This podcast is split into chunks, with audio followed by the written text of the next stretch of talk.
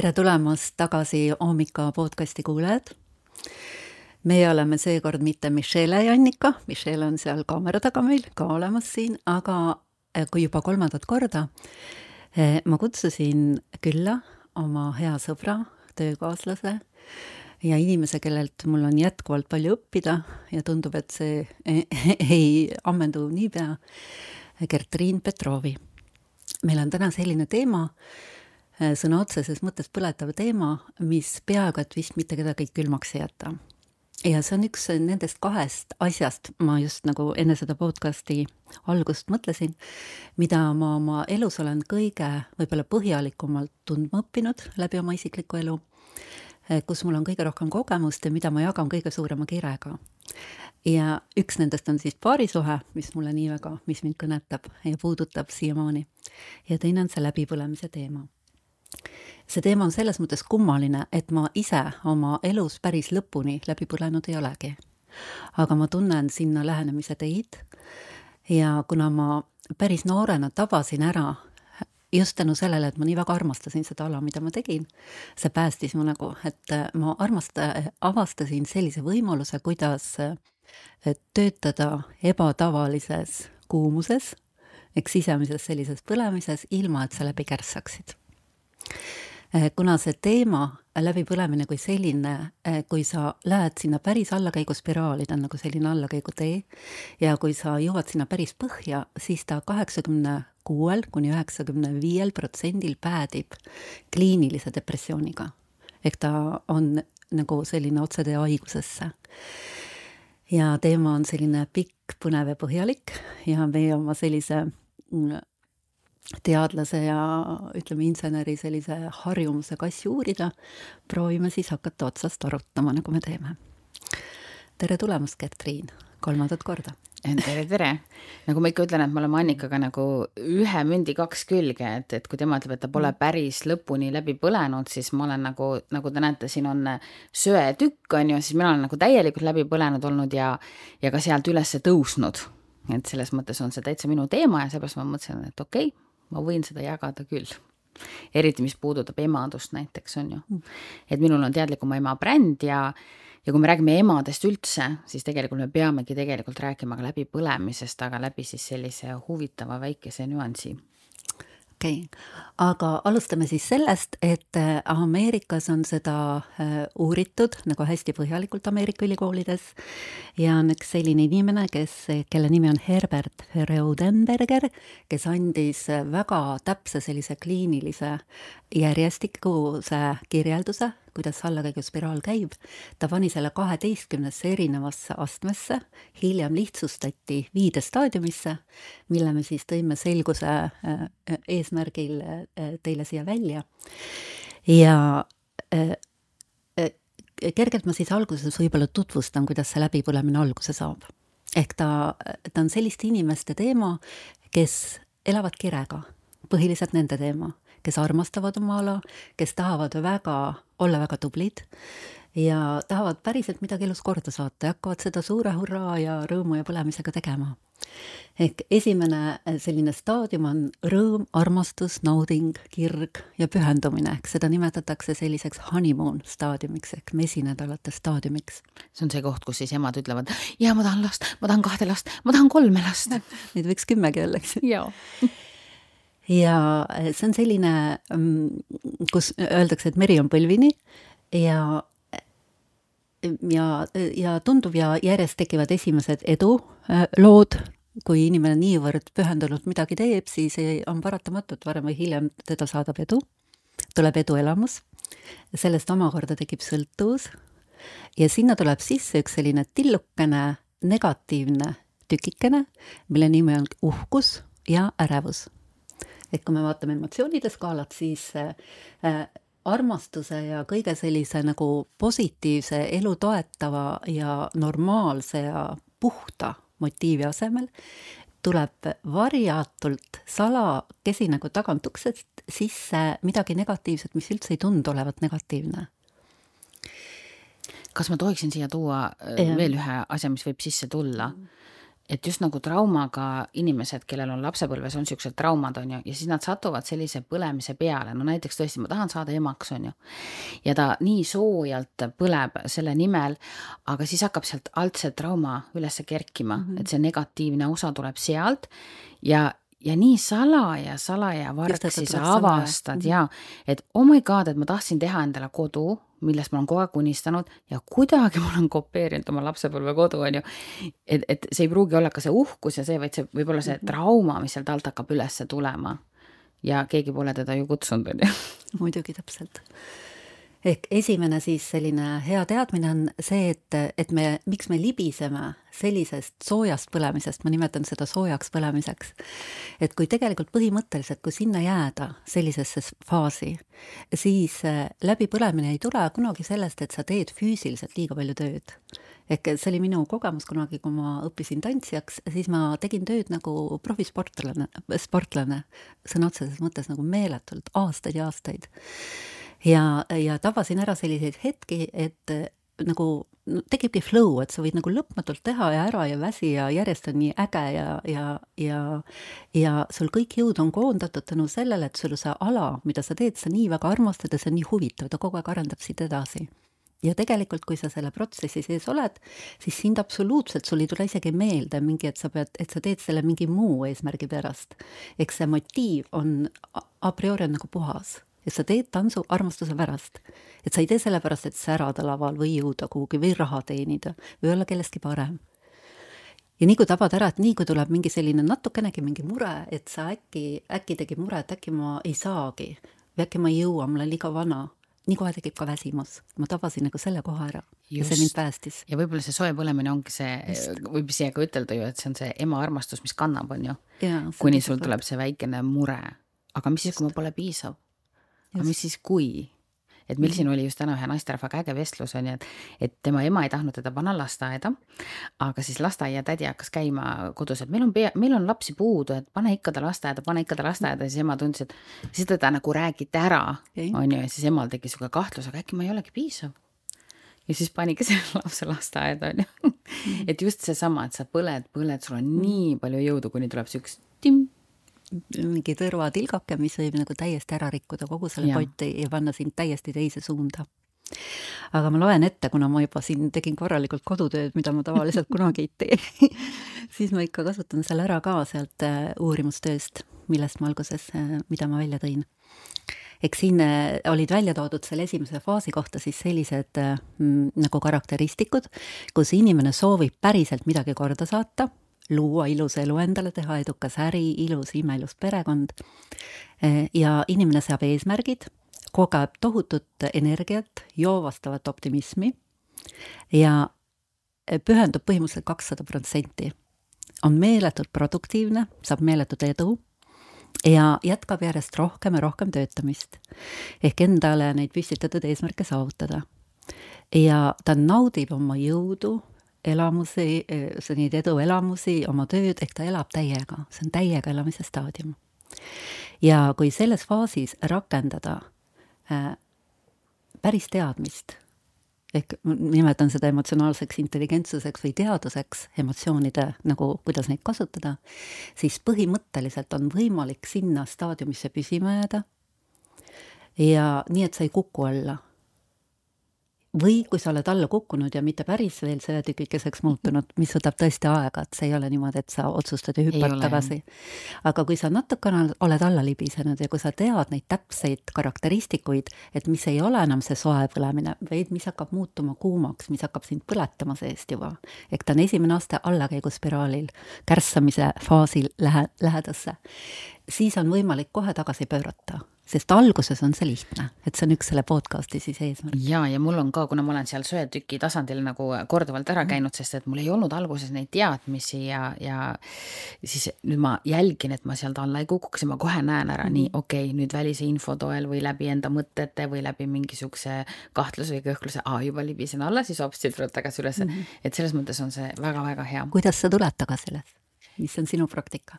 kuidas ma tulen tagasi ülesse mm., siin on nagu me Annikaga arutasime, et peaks andma niisuguse hea toolbox'i inimestele, kes seda mm. podcast'i kuulavad, siis äh, minul on niisugune, niisugune kindel praktika, et ma kõigepealt vaatan ära, et kus asub minu füüsiline keha ma vaatan, okei okay,, see asub praegu siin ruumis, siin on kaks lampi ehm,. isegi võid. ja ta on nimet... alati siin, eks ju. ja, ja sa võid isegi, just, ja sa võid isegi nimetada, et siin on põrand, siin on lagi mm, -hmm. siin on see, teine ja kolmas asi ja siis sa vaatad, aga mis toimub minu sisemise ekraani peal. ja siis piirud selle sisemise ekraani peale ja seal on juba nii, nüüd on sõda, nüüd on nälg, nüüd on surm, nüüd on võlg, nüüd sa oled loll, nüüd sa oled see, nüüd sa oled teine. ja siis ma hakkasin väga selgelt eristama, et mis on päris ja kus mhm. asub mu füüsiline keha mu füüsiline keha ei asu nendes mõtetes ja, ja ma hakkasin väga tugevalt, hakkasin just seda eristama, et, et okei okay,, sisemine ekraan läks lolliks, so what, on ju siis hingad hästi sügavalt sisse-välja ja vaatad, okei okay,, mul on väljas, mul on väljas, mind aitab hästi palju just see, et ma teengi selgeks, kus on mhm. tegelikult probleem. Ja siis ma hingan hästi rahulikult, rahustan hingamise maha ja siis ma hakkan lõdvestuma, lihtsalt lõdvestuma. absoluutselt kõiki, jaa, kõiki lihaseid, mis sa vähegi koged, saad ilusasti mm -hmm. lõdvestada. ja, ja see sisemise ekraani vaatamise oskus tegelikult see on meil kõigil olemas, absoluutselt, õhtul voodisse lähme, siis kõik vaatavad täna tegin seda, seda, homme teen seda, seda, tegelikult me kõik nagu vaatame Ehk seda. me räägime ettekujutlustest ja mõtetest praegu. just, on ju, mhm. aga me ei anna nagu endale seda aru, et, et kui me hakkame alla libisema sealt soojast põlemisest, siis väga tihti ongi just selle taga see, et seal mm -hmm. sisemisel ekraanil on midagi käivitunud. et see on minul see vahetegemise koht, kiire mm -hmm. ja kasutage ja te saate koheselt aru, kus mm -hmm. on probleem ja see asi, mis käivitub, see ei ole tegelikult mitte midagi rohkemat kui üks infokild, piisab Just. ühest infokillust see võib olla väliselt, et keegi ütleb sulle midagi, see võib olla, et sa loed midagi, märkad midagi, mis paneb kahtluse alla kas sinu pädevuse või võimekuse ja see võib olla su enda mõte, mis on kõige hullem, kõige suurem saboteerija üldse. ja, ja siin tuleb tegelikult mängu niisugune asi nagu minapilt, et kui ma nagu ka emadega räägin, siis ma räägin alati nagu laste tervikminapildist, sest minu, ma olen nagu läbi uurinud, kuidas lapsel minapildi kujunemine hakkab, sest mul on kolm last, ma olen saanud seda uurida. ja siis ma olen vaadanud enda, mul on nagu hästi-hästi negatiivne minapilt olnud mm. iseendast ja siis ma vaatan, et see negatiivne mina, minapilt on nagu niisugune troll, on ju, niisugune nagu koopas ja talle piisab nii vähesest et sind sealt alla tõmmata, ta on nagu kogu aeg kargamas niiviisi. oota, sa kutsusid või? oota, sa kutsusid mind või? ma nüüd tulen, ma teen sulle selgeks, kui loll sa oled või kui paks sa oled või kui kole sa oled. et tavaliselt vaadake, mis teid sealt soo eest põlemist alla tõmbab ja kui on tegemist negatiivsusega iseenda suhtes või mingi vana traumaga, siis ma ainult karjuks otsi abi päris ausalt. see on juba selline asi, mis on nii sisse sulle sööbinud, et sealt on väga raske ise nagu aga siin saab, õnneks on tänapäeval väga palju niisuguseid toredaid mentoreid ja coach'e, kes äh, saavad siin aidata, näiteks Annika või Gertriin või noh, niimoodi on ju. Oh, ma pidin alguses ütlema, unustasin täitsa ära, mul kästi öelda, et, et äh, selle äh, podcast'i kuulajatel on üks väike kingitus meile, teile ja see tuleb välja, kui te edasi kuulate. Et, et kes tahavad siis abi saada kas lähme edasi järgmise juurde või tahad sa siit veel midagi ütelda üle? ja põhimõtteliselt kogu meie töö Gertriiniga, siis mida me nagu oleme praktiliselt inimestele pakume ja millega me ise oleme pusinud detailide detailideni välja, on õpetada või edasi anda siis oma kogemust, eh, kuidas seda, siin on põhimõtteliselt peaks nagu punane, suur punane paks joon vahel olema, et kuidas tabada ära, et nii kui sa hakkad alla libisema, kohe laksti tagasi hüpata ja kuidas hoida ennast selles soojas põlemises ja tabada ära, et kui sa oled sealt juba kaugemale läinud, et mingil hetkel on ikkagi vaja, väga mõistlik oleks abi küsida, et nüüd on oo jaa, ma räägin veel kord, eriti need, kellel mhm. on see minapildi probleemid ja traumad, et seal on nii raske üksi hakkama saada, sest vaadake, mõtted ja emotsioonid, nad on niisugused tõelised teenusepakkujad sulle. Ja kui sa ise nagu Päris aru sellest, sa ei saa aru sellest, et nad pakuvad sulle teenust, on ju, siis sa lihtsalt ostadki kõike. Mm, -hmm. aa, sa tõid vanu sokke, okei okay,, ma võtan vastu, aa, sa tõid halvaks läinud liha, okei okay,, ma võtan vastu, sa võtad nagu seest absoluutselt mm kogu teenuse täie jõuga vastu, on ju. okei olen loll, no selge, ma olen siis loll, on ju. et vahepeal on vaja seda välist häält, kes aitab sul märgata, et sa oled mhm. automatismi sattunud ja ta aitab sul nagu, tema hääl ütleb sulle näiteks just seda, see väline hääl ütleb, kuule, sa oled jumala äge tegelikult. sa saad hakkama, see on mõte, siin on siuksed tehnikad võimalikud.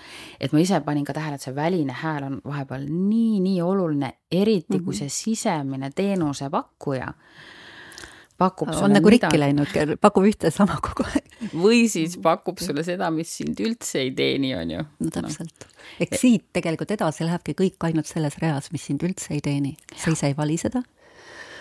ja sa võtad ja, ja sa võtad ja hoiad sellest valust kinni, teadmata, et sa seda teed ja kasutad. ja, ja minu jaoks on oluline just nagu vaadata emotsioone ja mõtteid täpselt nii, et nad ei ole meie -hmm. vaenlased tegelikult oh,, vaid, vaid nad ongi, nad pakuvad reaalselt teenust ja -hmm. küsimus ongi, aga kas me saaksime nagu neilt teist teenust osta? -hmm. saame küll, kui oskame. Tegelikult saame, me saame teenusepakkuja välja nii-öelda treenida, siin oli üks tore lugu, et sa lähed lattu, laos on igat värvi kaste. Ja siis ostad punast kasti siis lähed teine päev lattu, sa ostad jälle punase kasti, sa lähed kolmas päev lattu, laomüüja vaatab, punased kastid toovad jõle hästi sisse. siis ta paneb juba pool ladu punaseid kaste täis, sa ostad jälle punase kasti siis sa lähed jälle lattu, kõik on punased kastid täis. vot nii see teenusepakkuja töötab, et kui sa seda traumat sealt seest kogu aeg tarbid mm, -hmm. siis ta vaatab, oh, aga see meeldib ju sulle ja ma pakun sulle, aga kas sa seda traumat mäletad, aga kas sa seda traumat mäletad? et tegelikult õnn ongi valiku küsimus ja me peame just tegema selle valiku teenusepakkuja tasandil. Ja kui see laud on juba punaseid kaste täis, siis äh, nagu on, tundub, et mitte mingeid muid värve ei olegi enam olemas. jaa, mitte midagi nagu... muud ei ole ja me lihtsalt ei teagi, et see on kõige õigest ladu, see polegi mitte midagi rohkemat ja teaduskeeles, mida Gert Riim praegu seletab, see on autopiloot, kuidas tekib autopiloot. ehk äh, hästi lihtsalt ta tekib väiksel lapsel, näiteks paneb äh, näpu vastu punast või äh, tulist pliidirauda, saab haiget, seostab tema, seostub tema sisemises süsteemis see infokild, füüsiline valu, kõik see, mis teda ümbritseb, üheks suureks valumassiiviks pluss tekib hirmuemotsioon selle suhtes. ehk niimoodi tekivad seosed väga konkreetsete emotsioonide ja siis infokildude vahel või näiteks, kui sa oled harjunud, et vanaema toob sulle kommi iga kord, kui ta sulle külla tuleb, siis on mhm. vanaema nii positiivne tegelane, et vanaemaga saab kõiki mm -hmm. asju mm, kõike teha ja siis sa vaatad, mina ei tea, kuidas teiega on, minu vanaema oli positiivne minu jaoks ja kui ma näen siukseid vanamammikesi, issand, nad on kõik positiivses failis mul, absoluutselt kõik, ma võiks neid kõiki musitada. -hmm aga äh, meesterahva, meesterahvastega mul nii hästi pole läinud, et nemad on mul seal negatiivses failis olnud, on ju. ja, ja seda siis ma olen sealt üritanud nagu välja kirjutada, ehk neid infokilde me saame sealt väga hästi ka välja kirjutada, kui sul on teadmine, kuidas seda teha. aga see on töö, mida tuleb teha ja, ja selle autopiloodi kõige hullem osa on tegelikult see, et äh, see täiskasvanuks saades meil üheksakümmend viis protsenti üldse sellest vabadusest, mis meil on nagu maailmas midagi valida, on juba ette ära kirjutatud, kas siis punasteks või nagu headeks kastideks. ehk ükskõik, kuhu me peale vaatame, meile tundub mingi asi kas ohtlik või, või just hea, nagu tõmmet tekitav või tõukav. ehk meie sisemist nagu sellist arukat valikuvõimalust peaaegu et ei olegi. aga meil ei tundu üldse nii see tundubki ja nagu elu. ja see, see tundub nagu elu. jaa, aga siin on äge harjutus, ärkad hommikul ülesse, ära silmi veel lahti tee. Ja siis vaata hästi rahulikult üle, mida see autopiloot ehk mida see teenusepakkuja sulle täna pakub. Ja siis sa võid avastada, et oi, täna on nii jama päev sa mees pole silmigi lahti teinud veel, sa pole veel voodistki välja tulnud ja sul on juba täna jama päev, onju. nagu, no siis, siis juba nagu, ladu nagu, on täis punast võiks nagu tekkida nagu kahtlus, onju. et minul oli siin see, et, et ärkan hommikul ülesse, vaatan, toad on sassis, lapsed on kõik seal äh, laiali, teevad seal omi asju, nõud on pesemata, mees on trossis, onju, aga ma olin nagu jumala õnnelik ja ma ei saanud aru, mis mul viga on. järgmine päev, toad on korras, lapsed on nunnupallid, mees on armastust täis ja ma jumala vihane. ja siis ma hakkasin hommikul niiviisi, panin silmad kinni, vaatasin, mida mu teenusepakkuja mulle täna juba pakub, onju. ja siis ei käi üldse kokku sellega, mis nagu tegelikult on. ja kui sa selle avastad, siis sa võid nagu täiega naerda, Satguru on sihuke äge vend, onju. tema rääkis, et piisab ühest väikesest mõttest, et terve su päev on rikutud mm -hmm. ja ma mhm. tegin seda oma puberteediealise lapsega. ja terve hommikul... su elu on rikutud sealt edasi võib-olla. ma ütlesin hommikul, pane silmad kinni ja avasta esimene mõte, mis tuleb ja avasta, et see rikubki su päeva ära. ja siis ma kuulsin mhm. teisest toast siukest rõõmupurske naer, naeru, ma jooksin, küsisin, mis sul viga on, ta ütles, ma avastasin selle mõtte, see oli nii naljakas et päike täidab oma lubaduse, tärkab tema teeb oma tööd, planeedi gravitatsioon teeb oma tööd, kogu universum teeb oma tööd, kõik planeedid on omal kohal ja siis piisab ühest väiksest mõttest mm, -hmm. et kõik on jama. varjutatud nagu mingi varju all. üks väike mm mõte, mis isegi Just. ei püsi sul mhm. peas, trigerdab emotsiooni, mis jääb nagu tekk siia pähe. aga isegi mul laps sai sellest abi, nii et ma loodan, et kes kuulab, see kasutab. ja sel autopiloodil on üks hull asi veel, et oleks, et ta jääks selle ühe mõttega aga ei. ehk üks mõte käivitab läbi väga keerulise neurotransmitterite, neuropeptiidide, näärmete vahelise töö. Äh, sul muutused mitte ainult, äh, enne seda tuleb muutus emotsioonis, siis tuleb läbi kogu selle süsteemi tuleb muutus, äh, täiesti füsioloogiline muutus kehakeemias. keha muutub happeliseks. aga teate, miks ma üldse hakkasin joogaga tegelema või? minul on ka täna online mm -hmm. joogatunnid ja Teadliku Ema klubi ja, ja, ja miks ma üldse hakkasin sellega tegelema, oli see, et meil on nii-öelda pärilik liigeste mhm. haigus. ja mul hakkasid hästi tugevasti liigesed valutama, kui ma olin kakskümmend viis, kolmkümmend, iga sünnitus muutis selle asja palju hullemaks ja, ja ma ei pidanud oma lastega enam nagu sammu ja see oli jube ja nad tahtsid kirjutada mulle mega palju rohte. ja siis ma leidsin ühe Kanada uuringu, kus uuriti äh, krooniliste hästi kulunud liigestega inimeste seda ajalugu, äh, seisundit ah. ja avastati, et heade emotsioonidega inimestel, kellel on sama kuluvustase, ei valuta tunda mitte midagi no. kehas ja, ja halbade emotsioonidega, siis negatiivsete emotsioonidega mm. oli meeletutes valudes ja siis ma hakkasin tegema isiklikku katset. Need päevad, kui mul oli väga hea olla, pole mul mm. ühtegi liigesevalu tehke järgi, mm. uurige. ja siis, kui ma pidin minema kuskile, kus ma minna ei tahtnud või kui toimus kodus tüli näiteks mehe ja minu vahel või, või ma olin laste pärast stressis, oh my god, ma sain piht, pihkude viisi ravimeid uurige inimesed seda. nii et see on täpselt seesama, see keemia, kehakeemia muutus ja siin on üks väike trikk veel tegelikult, mida paljud inimesed ei tea, mida nüüd järjest rohkem teadus hakkab avastama, on selline nähtus nagu epigeneetika. ehk äh, kui sa hoiad mingit äh, positiivset emotsiooni, mingit head enda sellises nagu nii pikalt üleval, et ta muutub natuke stabiilsemaks siis äh, keha annab äh, äh, või aju annab kehale märku, et nüüd on sõda läbi, nüüd võib hakata tööle parandamise selline ülesehitav faas ja nende geenide pealt genoom on meil ju sama aga nende samade geenide pealt hakkab keha tootma palju kvaliteetsemaid valke, ehk niimoodi võibki täiesti ära parandada oma keha, et see on täiesti omaette teadusharu praegu see epigeneetika. see on nii võimas. ja minu lapsel oli epilepsia ja siis ma sattusin ka niisuguste wow. uuringute peale mhm. mm, -hmm. kus on niisugune Ameerikas, ma, praegu vabandan, mina pole kodutööd teinud. -hmm. Ameerikas oli niisugune arst, kellel oli matt, mis mõõtis siis äh, seda mm -hmm mm, keha elektritaset, on ju, sest meil on elektritase ja ütleski, et, et inimesed, kellel on olnud traumad näiteks või, või sihuke stressikogemused, et nad lamavad, aga neil ei tule seda lõõgastustaset sisse, vaid mm -hmm. neil on jäänud sisse see võitle, põgene, tardu mm. -hmm ja nad jäävad nagu teatud pingesse kinni ja mhm. selline keha, no tõmba ennast praegu pingesse, on ju, see keha ei saa terveneda, see on nagu fakt.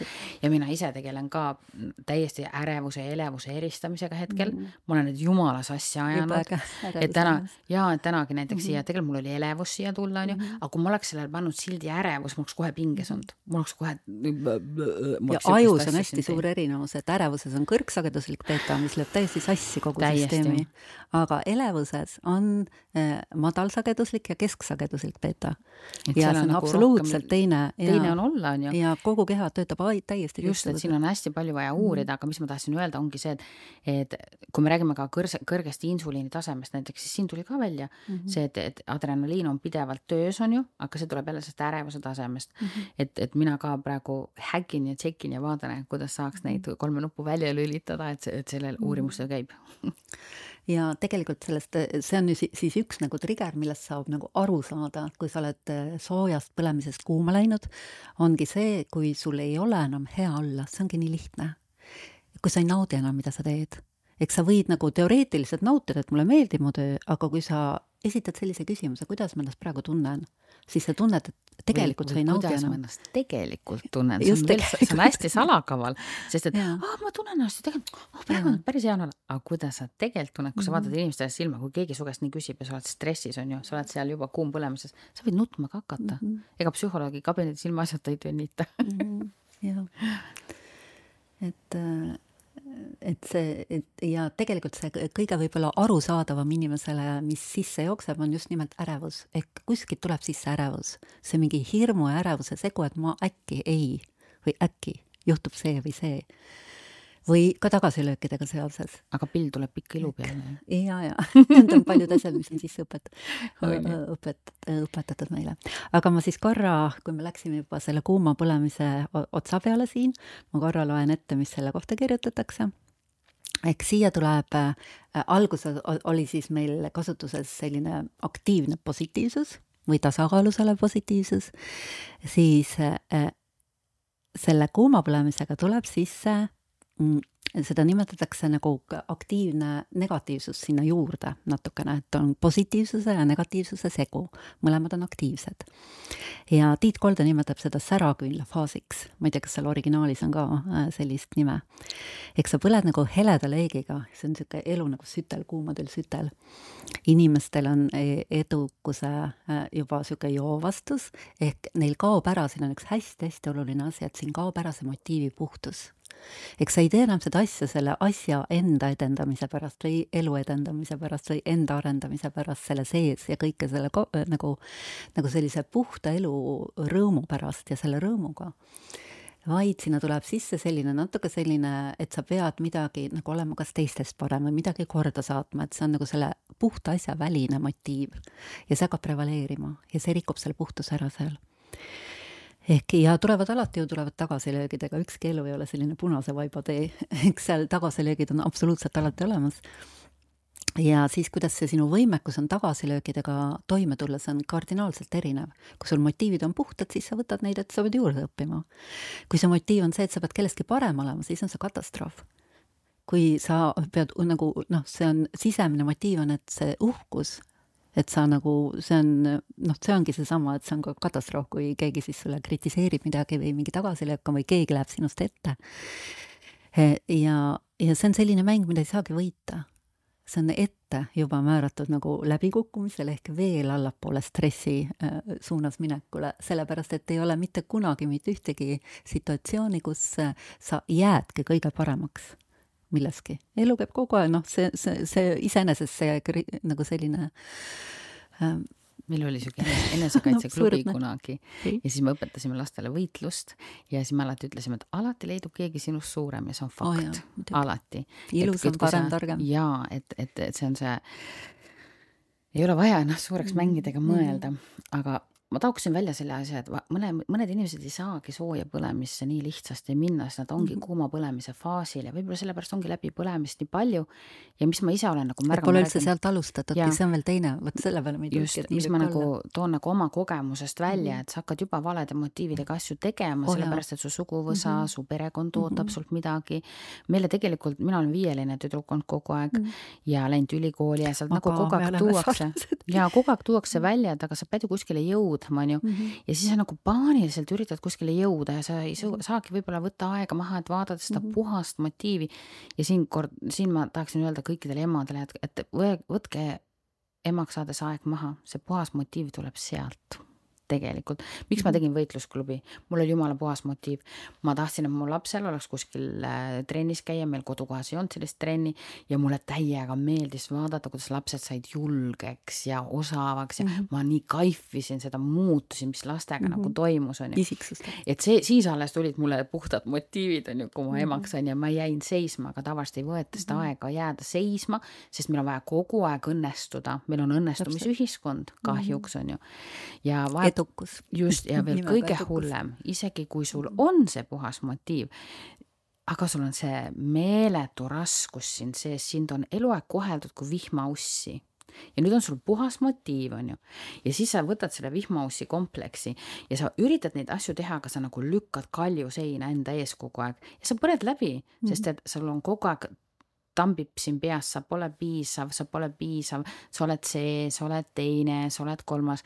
ja isegi su kõige puhtam motiiv, ma näen ju täna inimestel, ma näen mm -hmm. nii ägedaid inimesi, ma näen sihukesi inimesi mm. -hmm. ma, ma nagu mõtlen, aga miks nad ei ole õnnestunud, on ju just selle vihmaussi asja pärast nad polegi õnnestunud. see on jälle autopiloot, mis äh, on ja. neid punaseid kaste täis. ja sealt ei osata minna mm -hmm. kuidagi üle, nad lähevad koos sellega, see on nagu sul oleks mm -hmm. nagu pomm parema jala küljes, pomm vasaku jala küljes ja siis mm -hmm. sa mhm. üritad nagu lennata niiviisi mm. -hmm. ja enamus ettevõtmisi tegelikult minu meelest, mis mina olen näinud mm, -hmm. mis mina olen kogenud, minu ettevõtmised jäid selle taha kõik seisma mm, -hmm. sest ma lihtsalt ei tõusnud õhku see ei olnud võimalik, sest mul oli trauma ja enese mm -hmm. nii negatiivne hinnang oli seal küljes.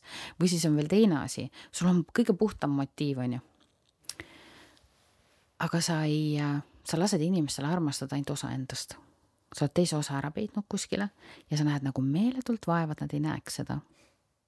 sa nagu oled niisugune kogu aeg klanitud, make-up, kogu aeg maskiga, on ju, aga selleks, et õnnestuda, sa pead mm -hmm. näitama ennast eks see võtab jõudu, see, see jõud lihtsalt jääb sellest õnnest. jääbki ja. ja sa ei lähegi sinna faasi mm -hmm. ülesse, sa jäädki kuumpõlemisse. -hmm. ja siis vahepeal inimesed kardavadki läbipõlemist nii väga, kui nad eriti, kui nad korra läbi põlenud mm, -hmm. siis nad teavad, tegelikult me teame, noh, oled mhm. kaalu langetanud mm -hmm. ühe korra, teist korda, tegelikult sa tead täpselt, mis takistused sind ees ootavad mm. -hmm. sa tead täpselt, milline nagu küpsise paksu sealt tagasi toob, onju. sama on ka ettevõtmisega tegelikult, sa tead mm -hmm. täpselt, milline vihmaussi kompleks su sealt tagasi toob ja sa ei lähegi enam.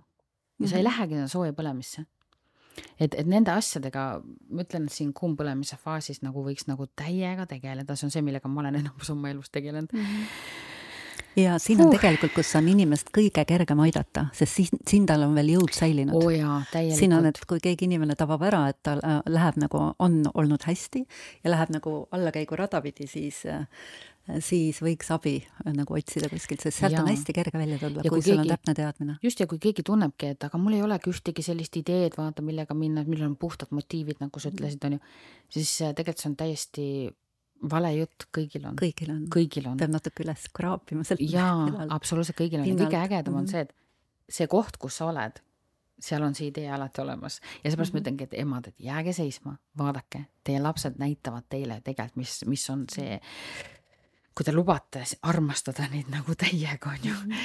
siis, siis võib juhtuda, et emad leiavad siit midagi nii kihvti, mida nad poleks iial uskunud, no näiteks mina leidsin oma brändi, oma jooga, oma mm. õpinurgad, on ju, mis ma nüüd loonud olen. ma poleks iial uskunud, et ma seda teen mm.. et, et see on nagu, vot see kuum põlemine on niisugune, tuleb jälgida mm. mis siin siis veel on, on ju.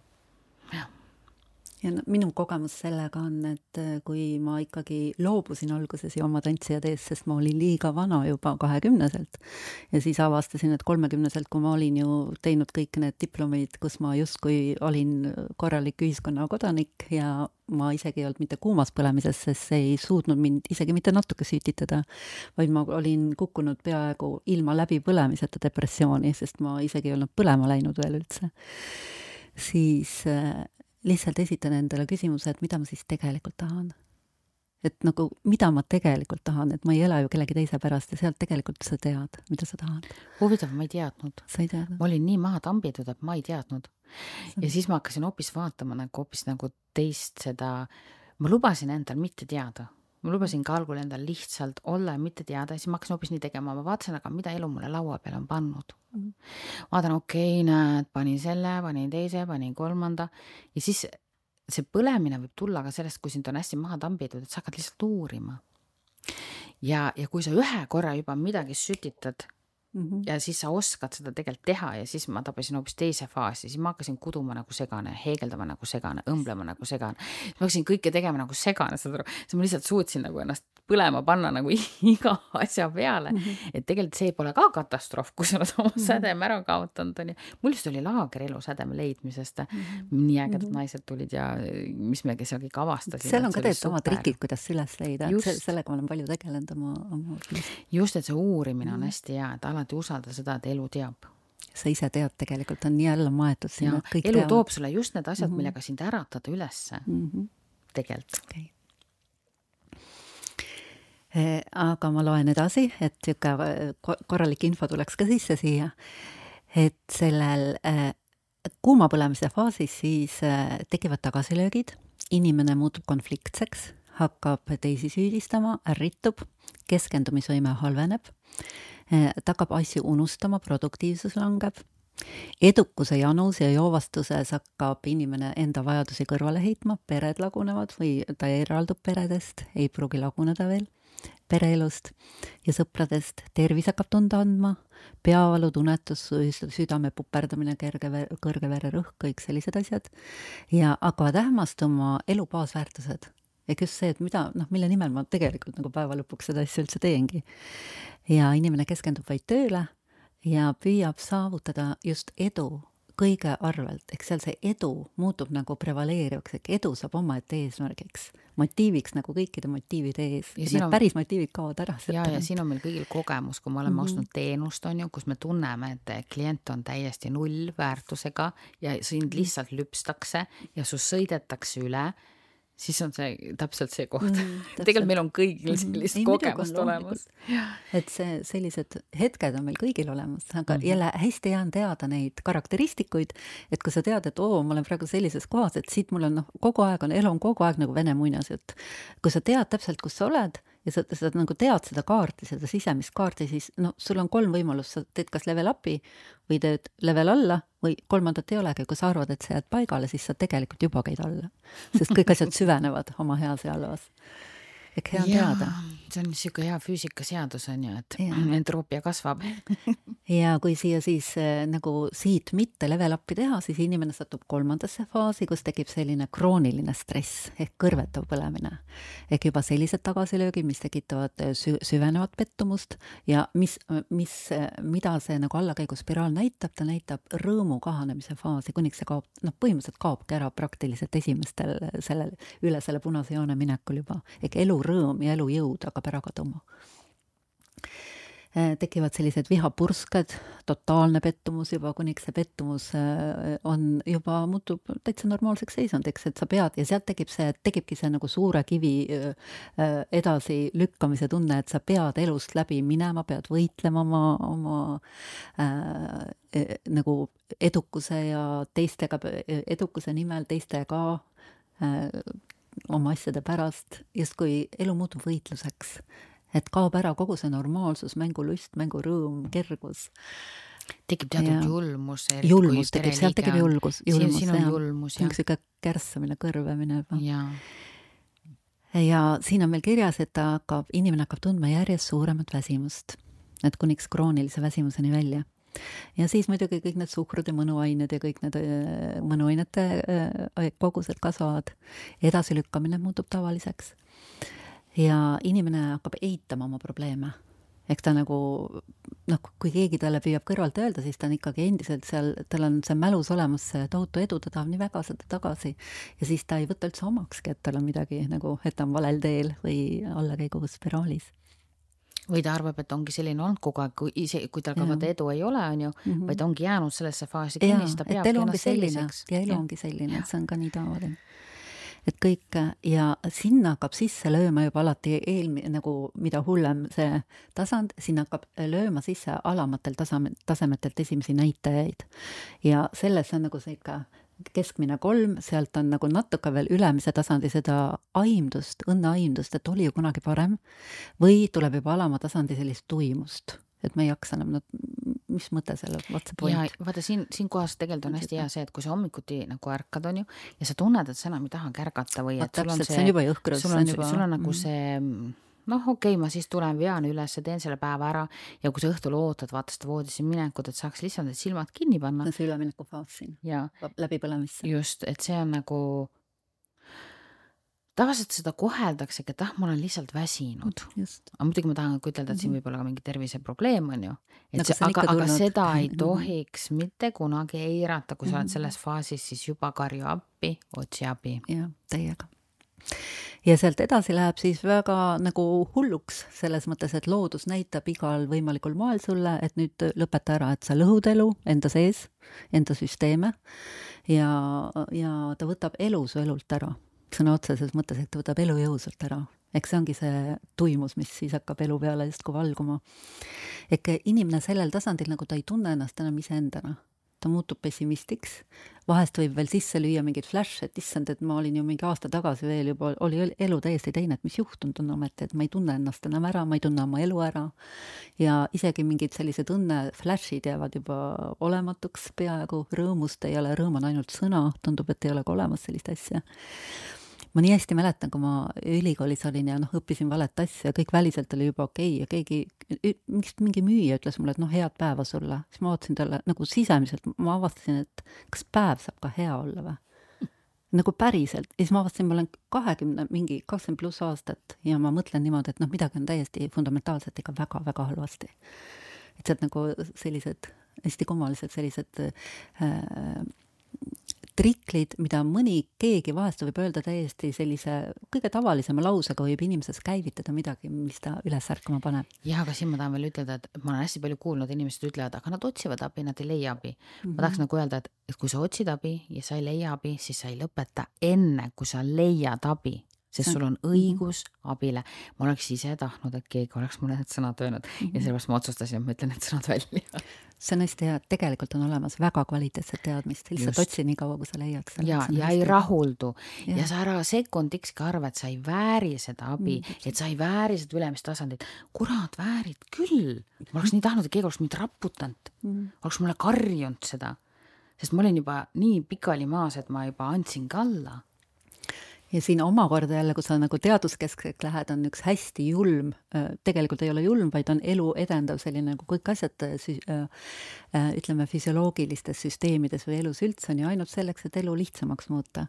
on üks asi selline, mille nimi on neurorigiidsus ja neuroplastilisus, ehk kui sa mingeid asju, aju ju meid kõiki, kogu meie süsteemi juhib, ehk kui mingid närvirakud koos aktiveeruvad, siis nende vahel tekivad ühendusteed ja iga kord, kui mingi osa sellest äh, närvirakustikust aktiveerub, siis need, need ühendusteed muutuvad iga kord järjest äh, lihtsamaks ja tugevamaks ja kuniks äh, ehk sealt tekivad harjumused. ja ja jällegi, kui me elame ainult autopiloodis üheksakümmend viis protsenti, siis tegelikult me kogu aeg käime ühtesid samasid sisse tallatud radu, nagu kastis elame ja see kast muutub järjest kitsamaks, kui me läheme allakäiguteed, kuniks me olemegi nagu väikeses piiratud nagu pooleldi, oleme küll elu, elus justkui, aga tegelikult sihuke nagu tiba selline äh, nagu kasti löödud tunne juba, et, et elurõõm kaob sealt seest ära. Ja hea on teada, et neid on olemas ka vastandtee, on, on neuroplastilisus ehk on lihtsalt, kui sa, see on ühe mõtte kaugusel tegelikult, et kui sa otsustad lüüa sisse sellise mõtte, et aitab, ma, ma otsin abi, ma hakkan päriselt elama ja samal hetkel ta tegelikult lööb prefrontaalse korteksi korraks sul särama ja tekivad võimalused täiesti teisi teid hakata sisse tallama, et hea on teada, et need harjumused, mis tunduvad nagu kivisse raiutud, ei ole seda. ükski asi ei, ei ole elus. ja, ja tegelikult seda situatsiooni võikski vaadata, aa, see on automatism aa, okei okay. mm -hmm., tegelikult minu see mhm. läbipõlemine on, on lihtsalt ühtede automatismide tagajärg ja ma ka täiega rahulik, ma sellest räägin, on ju, et kui me räägime mingid asjad hästi suureks, räägime mm -hmm. läbipõlemise hästi suureks, siis ausalt öeldes jaa, elevandiga on mhm. väga raske võidelda aga kui me ütleme, et oh,, see on kõigest üks tolmuimeja, mida me nupust käivitame ja juhtmest saame e-, välja eriti võtta. kui me arvame, et me oleme ise see elevant, eks ju, et meie on. olemegi see läbipõlenu. et tegelikult ei ole mm, -hmm. ma tahaks, ma tahaks nagu rõhutada seda, punkt üks, sul on õigus jõuda sinna sooja põlemisse. punkt kaks, sa saad seda teha Mm -hmm. punkt kolm, ära lõpeta enne, kui sa oled sinna jõudnud. -hmm. punkt neli, ole. õpi juurde. just ja seesama see koht, et, et tea, et see, et sa oled olemas, sellest tegelikult piisab ja ükskõik, mis sinuga elus on juhtunud, see ei ole sinu väärtus ja see on fakt. tavaliselt me paneme sellele väärtuse sildi mm, -hmm. ah, et mina saan, ma saan nii vähe palka või ah, ma olen nii vaene või ah, ma ei näe hea välja või et see ongi nüüd minu väärtus. ei ole, ei ole, sinu väärtus on see, et sa oled olemas ja see olemasolu koge-, et seda olemasolu saab ka kogeda, see on veel täiesti omaette väärtus, et sellest me võib-olla natuke hiljem räägime. et äh, sealt väljasaamist ja abi nende trik- äh,, nagu äh, aga ma loodan, et meie lausetest on sulle abi. Loodame, okei. Okay.. sest see on tõde. jaa. Ja siis, mis sealt edasi siis hakkab tulema, on nagu järjest kurvem tee. Ehk järjest passiivsemaks ja negatiivsemaks ja tuimemaks see elu läheb, mida rohkem allapoole hakkame minema ja äh, lõpus siis inimene tunneb ennast juba tühja ja tuimana ja tekib, siin võib tekkida juba täiesti ainete kuritarvitamine ja seal on see koht, kus on äh, depressioon väga lihtne juba sisse tulema. isegi enne päris seda viimast faasi juba inimesed muutuvad depressiivseks ja siis see kõige viimane, krooniline läbipõlemine, ehk seal tekib ka juba organite kahjustus ehk neerupeaste kahjustus, sest ükski organ ei ole nagu äh, loodud äh, nagu lõputult stressihormoone tootma, et äh, põlevad läbi kõik. kusjuures on uus väga popp haigus, neerupealsete mm. väsimus mm. -hmm. sellest ei räägitud varem midagi mm, -hmm. aga ma olen nüüd, kuna ma loen teadusajakirjandust ja no, ma olen ka teadlane, ikka keemiamagister on ju ja, ja siis ma vaatan, et see on kahe aasta viimane teema mm. -hmm mulle tundub, et on nii pikalt olnud juba, et sellest räägivad kõik praegu. ei, nüüd, nüüd hakkab rääkima ka juba tava ja tava ah,, tavaartiklid okay. ja kõik, et juba hakkab oluliseks muutuma okay ja see kõige lõpp on siis apaatia ehk elujõuetus, eks see on siis kõik, mis on äh, nagu elu kui sellise vastand, eks surmale kõige lähese, lähedasemad seisundid. surm, väsimus, inimene variseb nagu kokku täielikult, tema elu variseb kokku, ehk ta on nagu täielikus häires, kõik on häires. ja mm, nii emotsionaalselt kui füüsiliselt tunneb kaotajana, totaalselt mõttetuna Äh, täielik ükskõiksus, ta on isegi, seal on juba selline, et nad, ta ei tunne isegi enam niivõrd enam kaotajana nagu aktiivses negatiivses mõttes, vaid tal on juba tuimus peal, et ka organism nagu annab sulle selle nagu valuvaigisti, et, et kui inimene ei suuda enam seda valu taluda. Äh, täielik sotsiaalne isolatsioon, huvipuudus, mitte miski ei kõneta ja siin on juba ikka väga suur äh, osa, nagu enamus inimesi on depressioonis sellel, selles kohas juba.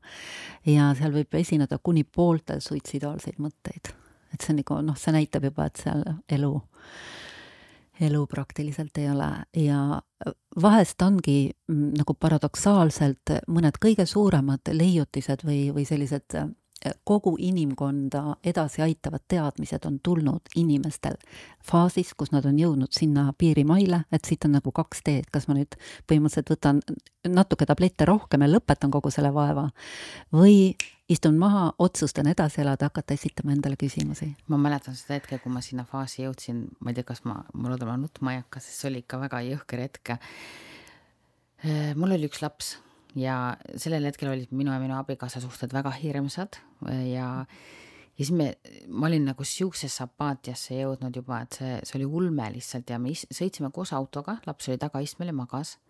siis ma mäletan, kui ma mõtlesin, ma tõmban hästi kiiresti rooli parema longasi läbi.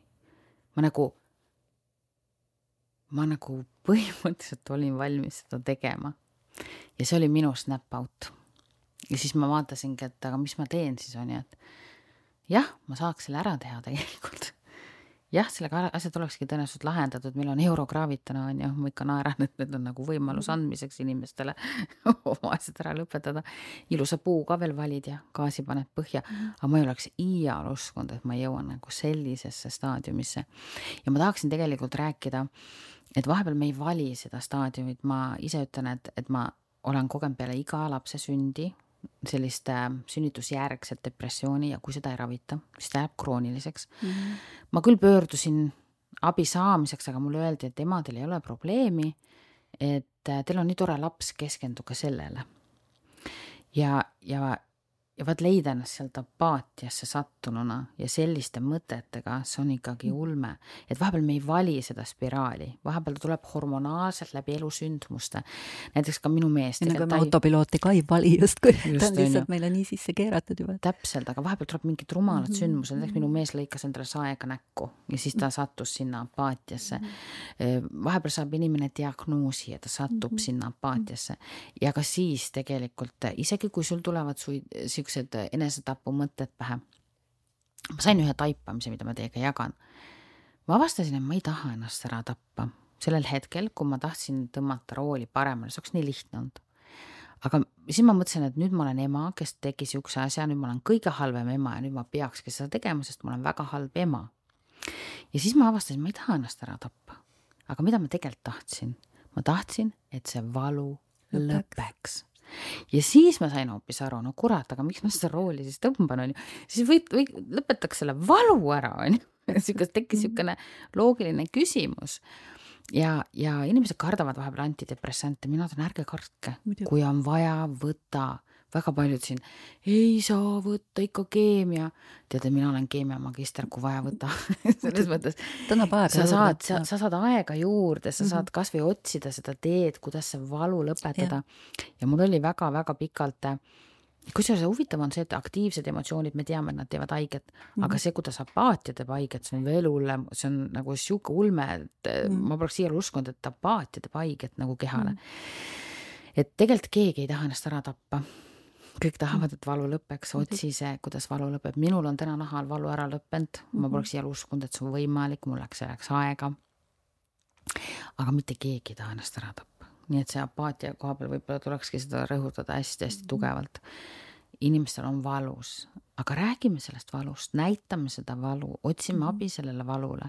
Ja, ja see on oluline, aga kui me oleme edukeskne ühiskond, kuidas ma siis ütlen, et mul on valus, ma ei saa ju ütelda, mul hakkab ju piinlik, on ju äkki ma ei ole nii edukas, siis ma pean kogu aeg tegema nägu. teate, ma ei tee ühtegi videot, mul on Tiktokid, Instagramid, ma ei tee mitte ühtegi videot läbi vale, ma lihtsalt jätangi mm -hmm. videot tegemata mm. -hmm. see, mis te näete, on see, mis te näete, see, mis te saate, on see, mis te saate mm. -hmm. mina ei tee neid asju. kui ma, mul on ka näiteks homme mul on online jooga, on ju ma lähen sinna täpselt sellisena, nagu ma olen ja ma ütlengi, vot täpselt ma täna selline mhm. olengi. ma ei hakka teile teesklema, et ma mingi mhm. hullult tubli olen, onju täna mul on selline seis, on ju, aga ma tegelen kogu aeg iseendaga. ja kogu aeg ikkagi vaikselt äh, nagu, nagu jälg, märkad ja jälgid ja Jaa, muudad. kogu aeg muudad, on ju. see ei tähenda et, seda, et ma olengi selline ja jäängi selliseks, et inimesed see... valesti aru ei saaks. ja, ja väga hea mhm. täiendus on ju mm -hmm. see, kui sa oskad vaata muuta siis enda seda sisemaailma seisundeid mm, -hmm. on ju, siis me ei pea neid häbenema ka enam tegelikult.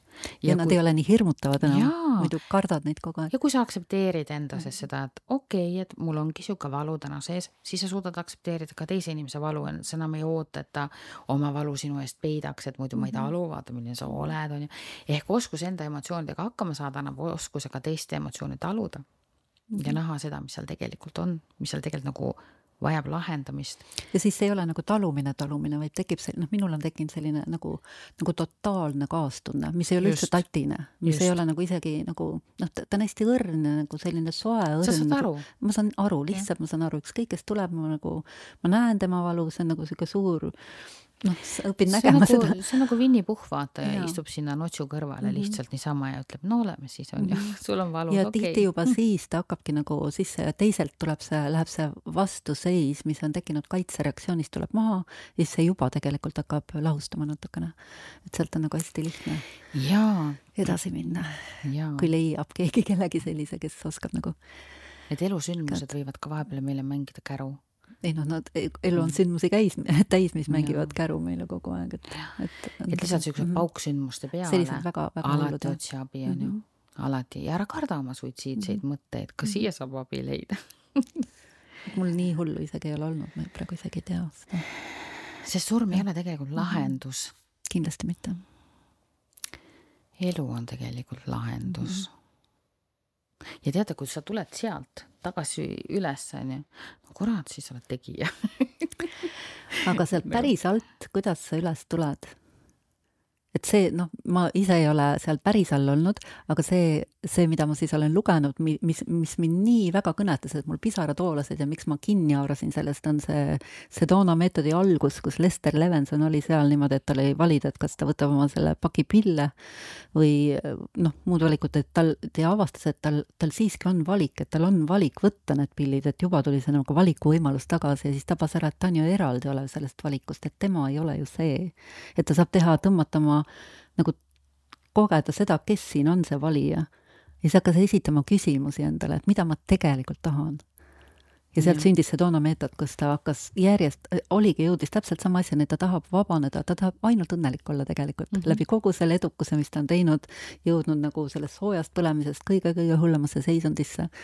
lõpuks ütles Lester, for a smart boy you are stupid, stupid, stupid, mida su ärist, rahadest, tarkusest, intelligentsist kasu on, kui sa oled jõudnud sellisesse kohta neljakümne kahe aastaselt. ja, ja siis ta avastas sellise võimaluse, et kohalt liikumata iseenda sees on võimalik kogu see valumassiiv lihtsalt ära lahustada, kogu autopilooti hakata nagu lahti haakima. see on Just, lihtsalt nagu mega ja, ja nüüd me oleme seda, kuna me oleme ise nii vaimustuses sellest võimalusest. ja sellega me ka aitame inimesi. ja sellega me aitame ja see päriselt töötab nagu päriselt. ja mis on emadel on tegelikult veel üks niisugune nagu asi, millest saab kinni haarata, on armastus armastus oma laste vastu. see on ma, minule see on ikka ulme mm, -hmm. kuidas ma olen laste mhm. nimel tõusnud ka mhm. sealtsamast autoroolist on ju mm. -hmm. et kui mulle oli nii negatiivne minapilt, et mul ei olnud jõudu enda nimel tõusta, ma ei oleks enda nimel mm -hmm. tõusnud, aga ma tõusin laste nimel. et see on nagu oh my god, ma olen neile täiega võlksu kui täitsa aus olla, ma olen neile täiega võlksu aga kuule, vanemus, vanemlusest rääkides vaata, vahepeal võib juhtuda ju ka niimoodi, et vanemal endal on maailma parimad kavatsused, on ju, ja tal on olemas kõik hea, ta sojalt-soojalt mhm. põleb, on ju, aga lapsel ei lähe hästi nagu lapsel endal ei lähe hästi mm. -hmm. et ta saab koolis võib-olla halbu hindeid, võib-olla teda kiusatakse, võib-olla ta ei sobitu kuskile seltskonda, see on lastele mhm. hästi suur probleem, sest kahjuks ei mhm. õpetata lastele teiste kaasamist, mis on minu jaoks täielik müstika, mina laste huviala ringe tegin, siis ma vaatasin alati, et kõik oleks kaasatud mm, -hmm. kõik oleks nagu ühes kambas, on ju. meil ei olnud kunagi kedagi, kes välja jääks, aga, aga koolides ja, ja ringides nad jäävad välja paraku mm. -hmm. ja siis tekib lapsevanemal vaata juba mure, juba ta kukub alla, on ju. ja kui sellele murele ka ei ole lahendust, on ju, laps ütleb, ma saan nii palju kirju, minu laps ei taha koolis mm -hmm. käia, minu laps ei taha õppida siis tegelikult va-, kui me see, kui lapse jaoks tekib ka see valu, õppimisega mm. seoses valu, õpetajaga seoses valu, koolis käimisega seoses valu, siis see valu on nagu sein tõng, tõng, tõng, tõng, tõng, mis läheb selle kõik lapse ja õppimise vahele, mhm. on ju, kõik on punaseid kaste täis, on ju. ja nüüd ei saa lapsevanem ka tegelikult oma potentsiaale mm. avada, sest ta peab tulema tagasi selle lapsega tegelema ja jumal tänatud, kui ta tuleb täitsa jube, kui ta ei tule, kui see laps mhm. jääb oma asjadega mhm. sinna üksi, onju. ja vot sellepärast ma mõtlesin, et ma lõpuks ometi panen oma teaduskraadid tööle ja ma tegin õpinurgad füüsika, keemia kus on Need nii... on meganurgad, et kes on juba võtnud, seal on niisugune tagasiside, et see oli üks tegelikult salajane avalik põhjus, ma täitsa avalikult kohe ette annan teada, miks ma Gertriini kutsusin sest äh, need on kaks ainet, kus on nii palju valu lastel ja, ja mida oleks nii lihtne maha võtta ja need valu omad, omakorda see laste valu tekitab ju vanematele valu ja siis see on üks valu. ja siis see laps ei saa ju tulevikus oma mhm. tiibu avada, sest kui ta -hmm. läheb sinna, siis ta kukub alla, sellepärast tal on valu all, mhm. on ju, ja mis ma nagu, mis ma, mille üle ma eriti uhke olen, on see, et ma sidusin kõik asjad eluga et seal on meil isegi valem, millega kaugsuhe, suhete mõttetus ära seletatakse, on ju, et ja kuidas... need on nii toredad ja nii sellised no. nagu nii, noh, see ise, ma arvan, et ma ise läbin need kursused, sest need on nii toredasti üles ehitatud. et mul on niisugune anne natukene mm -hmm. nagu lõbusalt asju seletada lastele. hästi lihtsalt. ma tegelikult kevadel tulin mm -hmm. hästi paljudele lastele appi, kes olid mm -hmm. koolist välja kukkumas. kevad ei ole enam aeg mm. alustada õpinguid oh my god, no, no, alustage kohe, leidke kohe endale eraõpetajad mm, -hmm. leidke mhm. endale kohe see tugi ja abi, ärge laske sellel valul koguneda, see valu hakkab sul last ju alla tõmbama, onju. Mhm. ta peab sellega tulevikus tegelema. mis klassis sul on need? Mm, kaheksas, üheksas, aga okay. sobib ka gümnaasiumile okay.. noh, põhikooli keemia mm, -hmm. füüsika mhm. põhimõtteliselt, aga ta on nii tugevasti ehitatud, et ta aitab ka Kannab. gümnaasiumis mm, -hmm. sest gümnaasiumi üks väljakukkumise põhjuseid on keemia ja füüsika mm. -hmm. nii et, et sinna peab selle mm, -hmm. kõik keskenduvad eks eksam mm -hmm. ja kõik keskenduvad eksamiainetele, aga tegelikult kukutakse välja keemia-füüsika pärast, on ju. aga samas on nii lihtne, näiteks Mendelejevi tabel on su suguvõsa nii lihtne see ongi, onju. näiteks ma tean, et Annika on, äh, on, ütleme, et kaalium onju, ma mitte kunagi ei oota, et ta käituks nagu kaltsium noh, no ei ole vaja ju oodata, onju. muidu loon illusiooni pettun mm, -hmm. kukun ise alla, mhm. onju, igasugused illusioonid mm. -hmm. ja ühesõnaga ma hästi mänguliselt seal kõike seletan, sest ma mõtlesin, et vot ma saan nii palju stressi maha võtta mm, -hmm. sest keemia ja füüsika oli ka asi, millega ma aitasin mm. -hmm. ma plaanin teha matemaatika ja mm -hmm. teate, ma olen põhikooli ise läbimas juba neljandat korda, kaheksas, kaheksas aasta koduõppe ema mm. -hmm. viies klass, seitsmes klass nüüd alustas meil. kraad, sellise kraadiga ema lastel on ikka peda. oh my god, ma ei tea, ma võiks pärast, ma võiks terve põhikooli ainetest teha vist mm -hmm. siuksed õpinurgad onju. aga miks mitte? kas ma arvan? et, et see on ja kusjuures mul on mhm. seal õpinurkades juba ka vanemad on ju, kes mhm. kõigepealt ostavad pileti, siis nad vaatavad üle ja siis Õpivad annavad oma lapsele ja, ja siis nad annavad oma lapsele ja täiega mhm. äge minu meelest, et üks pilet ja minu meelest õppige kõik, kui tahate, on ju.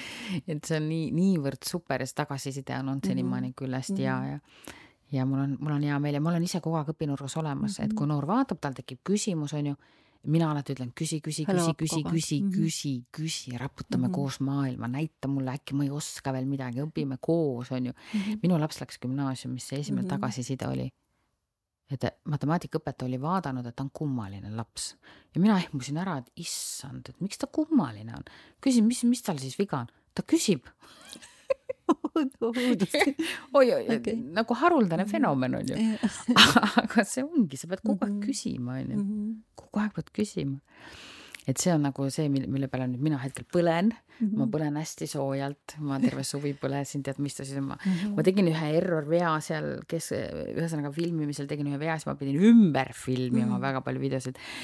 siis mul korraks kukkusin alla, onju, sinna kuumpõlemisse, siis ma tegin seal oma ja tehnikaid. mõtle, kui sa ei oleks tea-, teadnud. siis ma oleks käega siis löönud, sa oleks käega ma löönud. oleks käega löönud, ma oleks ja kõik kui, ilma kui jätnud sellest palju on läinud nagu inimeste Jah. unistused, karjäärid, rahad, pered selle nahka, et nad lihtsalt ei tea. sain tagasilöögi, Mhm, et seitsmekümne kolmest videost kolmkümmend pidin ümber tegema No, nii keemias kui füüsikas, see on päris suur. siis te oleksite näinud, ma vedasin enda jalgu, vedasin voodisse, lamasin voodis. ma lubasin endal täiega olla läbi kukkunud ja täitsa rumal inimene onju. ja siis ma naersin hästi kõvasti enda üle, siis ma tegin seal neid äh, vahvaid tehnikaid onju. ja siis ma sain aru, aga et vaata see eesmärk on ju nii hea, et lastel Mhm. poleks valus onju. ja mis mind veel puudutas? Lapsed ei julge olla kodus haiged. Nad lihtsalt ei julge olla kodus haiged, põhjus, ma jään koolist maha. aga kui ma jään maha, ma Mm. pean küsima, kui ma küsin, ma olen loll. ja siis ma mõtlesin, okei okay,, selle mure ma saan ka ära lahendada. mina ei tea, kas teie seda keskkonda tahate või ei taha, mina igastahes lahenduse panin välja, lahendus on olemas, keegi vingud enam ei saa, et lahendust ei ole. nüüd on lihtsalt küsimus on ju, et kuidas seda hästi kaugele viia välja Okei. et, et siuksed ja see tuli jälle sellest konkreetsest, sellest, ma peatusin ja ma vaatasin, mida on vaja ja mis oskus mul on selleks. Ja kas seal kirg ka taga on, oh sa pagan on. ja kuidas tuli, on, tuli on kõva, siis ma mõtlesin, okei okay,, teen ära ja just kui see, kui see motiiv on nagu nii puhas, et sa päriselt näed, et sul on võimekus ja sa saad ja sa aitadki ja kui tuleb tagasiside ka, siis ka see soe põlemine sealt tekib nagu selline, et ta justkui, et, et ta, temas justkui on natuke sellise kuuma põlemise eh, nagu maitset, ta võib-olla, et ta tundub hästi kuumana mm. -hmm. aga, aga ta on selline kuumus, mis Ja sa ei põleta sa vaid ta, ära, vaid ta on tõstab ja kasvatab sind. Hommikust õhtuni filmisin verering käivad Mhm. tagumikust täiesti kinni onju ikka filmid, aga ma sain julguse sellest, et noored ise soovitasid mind teistele noortele, siis ma mõtlesin, oo kuule, et siis ma ikka oskan no õpetada. ja üks äh, tüdruk pidi tegema keemiaeksamit ja mm -hmm. siis ta palus kolm päeva ennem seda minu abi. Mm -hmm. ja ma vaatasin taseme üle, ma vaatasin, ma ei tea No kuidas ta seda teeb, onju. ja siis me istusime temaga maha ja siis ma nagu, mul on niisugune võime, ma vaatan üle nagu all mm, -hmm. all map onju mm Mhm. -hmm. ja siis andsime need pidepunktid ja ta põrutas üle kuuekümne protsendi. Siis ma vaatasin, okei okay,, midagi ma ikka oskan onju. Ja et äh, endotermilised eksotermilised reaktsioonid. ärme selle, see on ekstraverdid ja introverdid, no ma tõin talle siukse seose onju ja need olid kõik seal eksamil sees onju. Muidu kõigil vaata süül juba ärme lähme, ärme lähme onju. eksotermiline plahvatab, ja seda aga ekstravert teeb ju sama mm, Mhm, -hmm, et tegelikult on täpselt seos on ju kogu aeg olemas onju.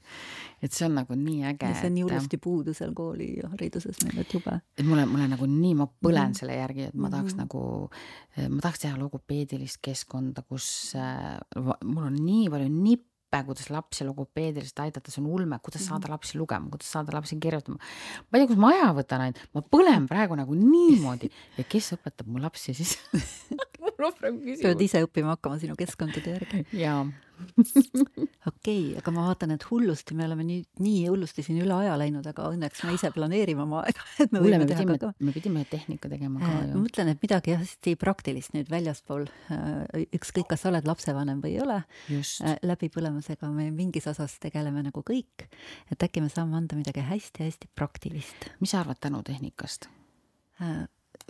Anna sina see, ma siis vaatan ise midagi, mul on terve ka terve tehnikate selline komplekt, mida saaks kohe õpetada. muidugi see, see päris, päris lahendus, milles me oleme täiesti ühel meelel, on see, et lihtsalt võta see üks päev ja õpi ära emotsioonide vabastamine. see on, see on noh, see on nii suur, see on lihtsalt, see on mängumuutja, täielik game changer, et sul on niivõrd teine elust arusaamine tekib, niivõrd teised võimalused. esimene võimalus on kohe seitseteist september ja nüüd siis see kingitus ka, et kui keegi selle podcast'i ära kuulab, siis on äh, sooduskood äh, äh, miinus kakskümmend euri ja sooduskoodi nimi oli? äh,. Mis selle nimi oli isegi enam ei mäleta. Sedona kakskümmend. Sedona kakskümmend. ja, ja., Ja. minul on siis Teadlikuma ema klubi, millega saab Mm. liituda, seal on meil äh, body groove tuleb, seal on meil äh, koos teeme siuksed vabastamistehnikad, et mina olen loonud siukse keskkonna, et ma hetkel kursuseid ei ole plaaninud mm, Mhm. -hmm. aga keskkonnana on hästi mõnus siukene, just ongi siiras, aus keskkond. Ja seal sa õpetad ka emotsioone vabastama, eks ju. just mm. -hmm. ja on... tänutehnikaga on niimoodi, et tänu, mina, mulle alati tundus see hästi võlts, hästi vale. see on ülekasutatud Sük... nagu armastus ja jumalused sõnad. see on nagu niisugune mõttetu tehnika, niisugune pettus, enesepettus, ma tundsin mm, -hmm. et inimesed petavad ennast, kui nad seda kasutavad. aga ma hakkasin seda uurima ja vaata, kui sa paned käe siia südame peale ja sa tunned praegu, mis sa siin südames tunned. inimestel on tavaliselt raskustunne, tavaliselt on niisugune nagu kivi südames ja, ja siis seesama raskustunne, see kivi südames, see ongi tegelikult ju see, mille pealt me siis hakkame tegutsema, on ju, me tegutseme selle pealt. ja nüüd see tänutunde tehnika tegelikult aitab, aitab nagu ähm, äh, katkestada selle otseliikumise nii-öelda, sa teed mhm. katkestuse ja nüüd sa saad valida, kuhu suunas sa liigud. ehk ta on tegelikult sinu äh, automatismi katkestamine et sul tekiks see, tulen pinna peale, hingan ja sul mm -hmm. tekiks nagu uus valik ja siis ma sain aru, kurat, sellel tehnikal on pointi, nii et teeme selle tehnika läbi. pane käsi südame peale. ja kõigepealt lihtsalt tunne, ära mõtle, ma tean, et inimesed hakkavad mõtlema kohe. ära mõtle, vaid tunne, tunne, kuidas süda ennast täna tunneb. ja see ei pruugi meeldiv tunne olla ja see on jumala okei okay., see ongi automatism, ärme seda kuidagi romantiliseks räägi, on ju. see on see punane kast seal sees nüüd pane silmad kinni ja hästi lihtne on, meenuta midagi, mis teeb sul niisuguse naturaalse tänutunde sisse. ja nüüd luba sellel tänutundel sinna südame sisse tekkida. ma tean, et inimestel, kellel on suured traumad ja nad, nad ei pruugi seda niiviisi aktiivselt tunda, aga kui seal kasvõi pojakene on, siis lihtsalt lõdvestu ja luba sellel tänutundel natukene kasvada. ja nüüd märka, et sa ei lähe enam tegema neid tegevusi, mida sa teha oleksid tahtnud. märkad, sul korraks tekib see hingamise koht, see, see koht, kus sa saad päriselt teha mingi uue valiku. ja seda tänutunnet võiks südames siis kultiveerida iga kord. mul siin tore lugu, läksime Indiasse meie läksime Sirjega Indiasse, aga me läksime ainult kaheks päevaks. immigratsioonile tundus see väga kahtlane see ja kahtlane. tagasi ei saa. ei lasta immigratsioonist läbi.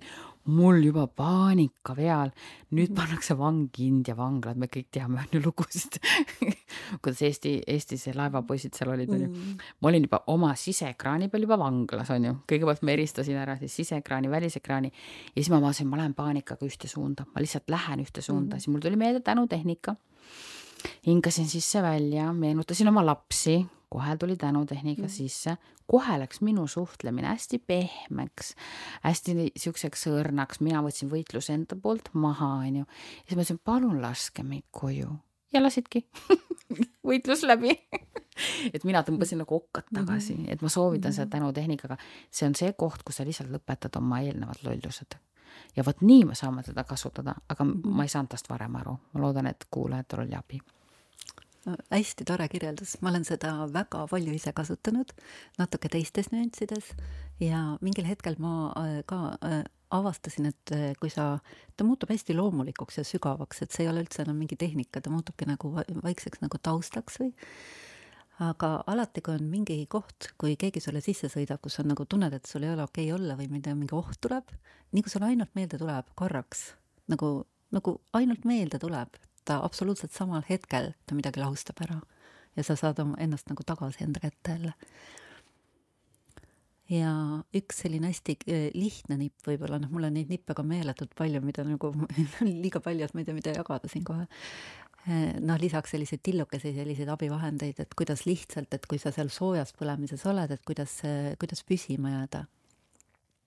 et eh, kuidas või, või tabad ära, et kui sa hakkad juba alla langema, et mingi esimene selline mingi negatiivne infokild kuskilt tuleb ja tunned, et läheb, see mure hakkab kasvama, et kuidas sealt kohe niimoodi naksust välja, naksust nagu välja tulla. On see teada, et eh, kui mm, mõtted ja emotsioonid töötavad, mõtted ja tunded töötavad äh, nagu tandemid tandem ehk äh, mõtted toidavad tundeid ja tunded toidavad omakorda vastavaid mõtteid ehk kogu aeg sa paned ise oma mõtetega puid alla. ja kui sa lihtsalt lõhud selle tandemi, siis äh, sinu emotsioonid ei ela ilma mõteteta kaua. ja isegi kui sa ei oska veel emotsioone vabastada, siis mõtet muuta sa saad kohe praegu, kohe. see ei ole afirmatsioon, see on lihtsalt puhas niisugune nagu füüsikaline tehnika. see ongi jälle ühe protsessi katkestamine. see on lihtsalt katkestamine, jah aga jube hästi töötav. ja, ja selleks on, Sedona meetodis on üks selline hea on, kui sul on mingi selline stampmõte, mis on alati omast käest võtta, sest siis, kui sul on juba piisavalt halb olla, sul on juba hakkab, arukus on ju pöördvõrdeline emotsionaalse aktivatsiooniga, siis sul läheb isegi meelest ära see võimalus ja, ja kui sa veel pead mõtlema, mis mõte see siis võiks olla, siis see ei pruugi töötada, et hea on ta teha hästi lihtsaks. ja Sedona meetodis on see hästi lihtne äh, lause, mida ma praegu tunnen see, mida ma praegu tunnen, ei ole seda emotsiooni, kui ta on mingi negatiivne või mure, millega kaasnevad vastavad muremõtted, ta ei ole teda toitev, ehk ta lööb kiilu, see on nagu kiilumõte. ja siis sealt järgmine on, on, kui sa ei tea meetodit, et kui sa meetodit tead, siis järgmine normaalne äh, variant on see loomulikult vabastada kohe ära. aga kui sa seda meetodit veel ei tea, siis võiks olla, et mis on minu mõnus mõte, MMMM meetod, mis võiks olla minu mõnus mõte siit edasi ja üks mõnus mõte võiks siit olla edasi see, et äh, sa tabad ära, et kui sa hakkad muretsema, siis sa oled nagu nihkunud äh, siia ettepoole, sul kõik on krambis ja korraks lihtsalt soovi nagu katapuldina nagu panna sisse tagurpidi käik oma fookusega ja kogeda kukla taga olevat ruumi. võite kohe praegu proovida, see käib niimoodi plaks, nagu taba ära ja häälesta natuke nagu laiemale ruumile siin ja lõdvesta kõik siit eest ja avastad, selline hetkeline rahuseisund kohe-kohe taastub, sa võid natsa püsida seal ju. ja siis sa oled juba katkestanud juba, see katkestus, mis oli kiil, on muutunud nagu su tummisemaks kiiluks ja ei, ei ole üldse väga palju aega vaja, et see emotsioon taanduks. ta ei vabane ära lõpu, lõplikult ei lahusta ära, aga ta taandub, sa saad aega juurde, saad oma jõu tagasi et selliseid tillukesi nippe meil on hästi palju, et kuna see õpetamise aeg on nii pikk olnud. Just aga ma ei tea, võtame kokku siis. okei okay,, minu me... kohta, minu kohta saab lugeda teadlikumema.ee lehe peal on ju ja kirjutada ja joonistada ja läbipõlemist ei ole vaja karta, vaid seda on vaja tundma õppida. Tundma õppida. see on elu, see on eluprotsess, tulega ja. ei tohi mängida ja tulega peab õppima mängima, ilusti just, mängima siis just. on tulest palju abi sulle. ta peab olema ikkagi vahend. vahend, jaa mm. -hmm ja, ja kuna jälle ka, et ma noh, üks asi on need, need puhtalt emotsioonide vabastamise õpetus, mis ma olen teinud, aga mis ma olen ka oma üle kahekümne viie aasta töötanud inimestega, mis ma olen avastanud, et nad korra õpivad ära, aga siis ikkagi oma päid jäädes noh, vajavad nagu tuge või mingeid keskkondasid nagu no vot, sellepärast ma tegingi klubi seepärast ma vaatasingi, et kursus ise ja. on hästi tore, on ju mm, -hmm. aga võtta niisuguse sooja mm -hmm. embuse sisse Just. ja siit nagu koos edasi minna. kas ma olen teinud ka siuksed, jah ja sest tead, see, kui sa hakkad iseenda nende trollide ja kollidega tegelema, see väline hääl on ju, on vaja ka mm -hmm. väga toetavat keskkonda, aga paljudel inimestel ei ole kodu väga toetav mhm. keskkond, on ju. isegi kui on, seal ikkagi sellist ikkagi teadmist ei ole, et see nagu läheb ole, kaduma selles olmes. et see olme ära ei sööks ja see uus mõnus muutus saaks nagu aset leida, nii et sa, ta, see point ongi, ta visa, viskab su tagasi sooja põlemisse, mis on flow seisund tegelikult, mis sul on kogu aeg hea olla ja, ja see, see, see, mida sa elus niimoodi saavutada saad, noh, see on niivõrd, see on komakohtadega erinev, suurusjärgud on erinevad, mitte natuke ei ole erinev. kogu elu läheb teise hinnaklassi täielikult ilma ühegi liialduseta. et ta nagu väärib seda ja kui keegi tahab siis äh, sellist tuge ka lisaks saada, siis äh, võib ka minu tegemistele vaadata, silma peal hoida, sest kõik nagu eranditult kõik kursused on mingi nüansi, ühe ja sama asja mingid erinevatest nüanssidest nagu lähenemine. et lihtsalt elu oleks normaalsem elada. just. aga suur tänu teile! aitäh, et viitsisite ära kuulata ja ma arvan, me Gertriiniga kohtume nii mõnigi kord siin. ja, ja kui te siit kasvõi ühe asja kaasa saate võtta, siis mm -hmm. on nagu super äge, et kuule, kas see keskkond, vaata, kus need üles lähevad, sinna saab ju kommentaare ka panna. et ja. väga tore oleks, kui te paneksite kommentaari mm -hmm. näiteks, et mis te siit nagu päriselt kaasa võtate, et siis me saaksime ka teada, et mis oli see nagu ja. väga hea sõnum ja kuna Gertriinil on seda know-how'd niivõrd palju, et ma, ja te võite ka kirjutada, et mis teemal me võiksime järgmine kord kohtuda, me kindlasti kutsume teda veel nõus ma sain rongisõidu selgeks aitäh teile. aitäh. ning kuna siin lõpus läks kaduma meie episoodi alguses lubatud väike üllatus, siis toon selle veel eraldi välja, et kõikidele meie kuulajatele kehtib kuni kuueteistkümnenda septembrini kahekümne eurone sooduskood meie järgmisele intensiivkursusele äh, vabaks ärevusest ja läbipõlemisohust, mis toimub juba seitsmeteistkümnendal septembril sooduskoodiks on siis Sedona kakskümmend. seega olete väga oodatud ja aitäh veel kord kuulamast